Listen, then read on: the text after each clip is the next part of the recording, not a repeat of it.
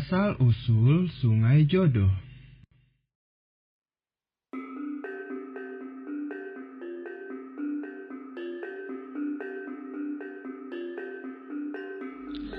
Pada suatu masa di pedalaman Pulau Batam, ada sebuah desa yang didiami seorang gadis yatim piatu bernama Mah Bongsu. Ia menjadi pembantu rumah tangga dari seorang majikan bernama Mak Pia. Mak Pia memiliki seorang putri bernama Siti Mayang. Pada suatu hari, Mah Bongsu mencuci pakaian majikannya di sebuah sungai. Puan lihat, ada ular di sana. Jangan mengada-ngada kau. Cepat cuci pakaian itu. Tapi Puan, ada ular di sana. Aku tak mau tahu, mau ada ular, buaya, harimau. Yang penting pakaian itu harus bersih besok pagi. Mah Bongsu dengan rasa ketakutan mencoba mendekat dan melihat seekor ular tersebut. Ternyata ular itu tidak ganas. Ia berenang ke sana, kemari, sambil menunjukkan luka di punggungnya.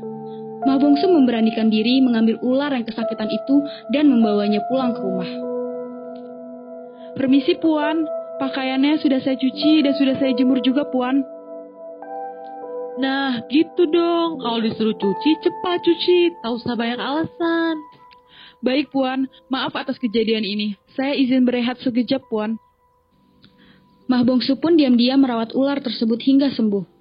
Tubuh ular tersebut menjadi sehat dan bertambah besar. Kulit luarnya mengelupas sedikit demi sedikit. Heh, kau dapat uang dari mana? Pasti kau pelihara tuyul, kan?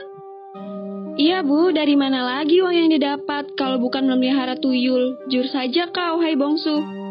Tidak, Puan. Saya tidak melihara tuyul. Jadi itu uang dari mana?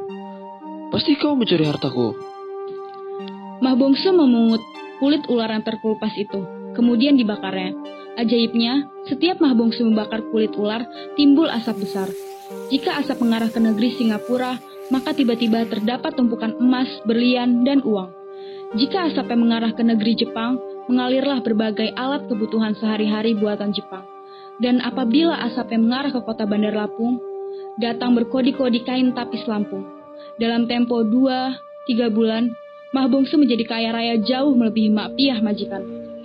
Banyak orang yang menjadi penasaran dan berusaha menyelidiki asal-usul harta Mah Bongsu. Untuk menyelidiki asal-usul harta Mah Bongsu ternyata tidak mudah. Beberapa hari orang dusun yang penasaran telah menyelidiki, namun tidak menemukan rahasianya. Kemudian, para tetangga sedang mengobrol di sebuah tempat di pusat desa. Sudah ibu-ibu, tidak perlu berburuk sangka dari mana uang yang didapat oleh Mabongsu. Lagian, kita juga tidak kena ruginya.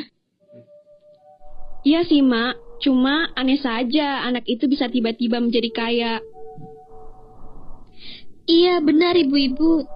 Tetapi kan anak itu selalu membantu para anak yatim piatu, orang yang sedang sakit, dan orang yang membutuhkan bantuan di kampung kita. Jadi seharusnya kita berterima kasih kepada Mah Bongsu. Iya, betul juga ya, Mak. Mapia dan Siti Mayang, anak gadisnya, merasa tersaingi. Hampir setiap malam, mereka mengintip ke rumah Mah Bongsu. Wah, ada ular sebesar betis nih. Dari kulitnya yang terkelupas dan dibakar, bisa mendatangkan uang nih. Pasti budak itu mendapatkan uang dari sini. Kalau begitu, aku akan mencari ular seperti itu juga ah. Mak Pia pun berjalan ke hutan untuk mencari seekor ular seperti milik Mah Bongsu. Tak lama, ia pun mendapatkan seekor ular berbisa. Akhirnya aku dapatkan juga ular ini. Dari ular beracun ini, pasti akan mendatangkan harta karun lebih banyak daripada yang didapat oleh Mah Bongsu. Malam harinya, ular berbisa itu ditidurkan bersama Siti Mayang. Ibu, ular ini gigit badanku. Anakku, tidak usah takut. Tahanlah. Ular ini akan kasih kita uang yang banyak. Tapi ibu, aku takut. Sementara itu, luka ular milik Mah Bongsu sudah sembuh. Mah Bongsu semakin menyayangi ularnya. Saat Mah Bongsu menghidangkan makanan dan minuman untuk ularnya, ia tiba-tiba terkejut. Tenang, tenang. Jangan takut. Lebih baik malam ini antarkan aku ke sungai tempat kita bertemu. Hah? Kau bisa berbicara? Iya betul, aku bisa berbicara. Tapi tenang, kau tidak akan kusakiti. Baik, Saya akan antarkan kau ke sungai. Kemudian Mah Bongsu mengantar ular itu ke sungai. Sesampainya di sungai, ular mengutarakan isi hatinya. Ma Bongsu, sebenarnya aku ingin membalas budi yang sentimpal dengan apa yang telah kau berikan padaku. Aku ingin melamarmu dan aku ingin kau menjadi istriku. Mah Bongsu semakin terkejut. Ia tidak bisa menjawab sepatah kata pun. Bahkan ia menjadi bingung. Ular segera meninggalkan kulitnya dan seketika itu juga berubah wujud menjadi seorang pemuda yang tampan dan gagah perkasa. Kulit ular sakti itu pun berubah wujud menjadi sebuah gedung yang megah yang terletak di halaman depan pondok Mah Bongsu.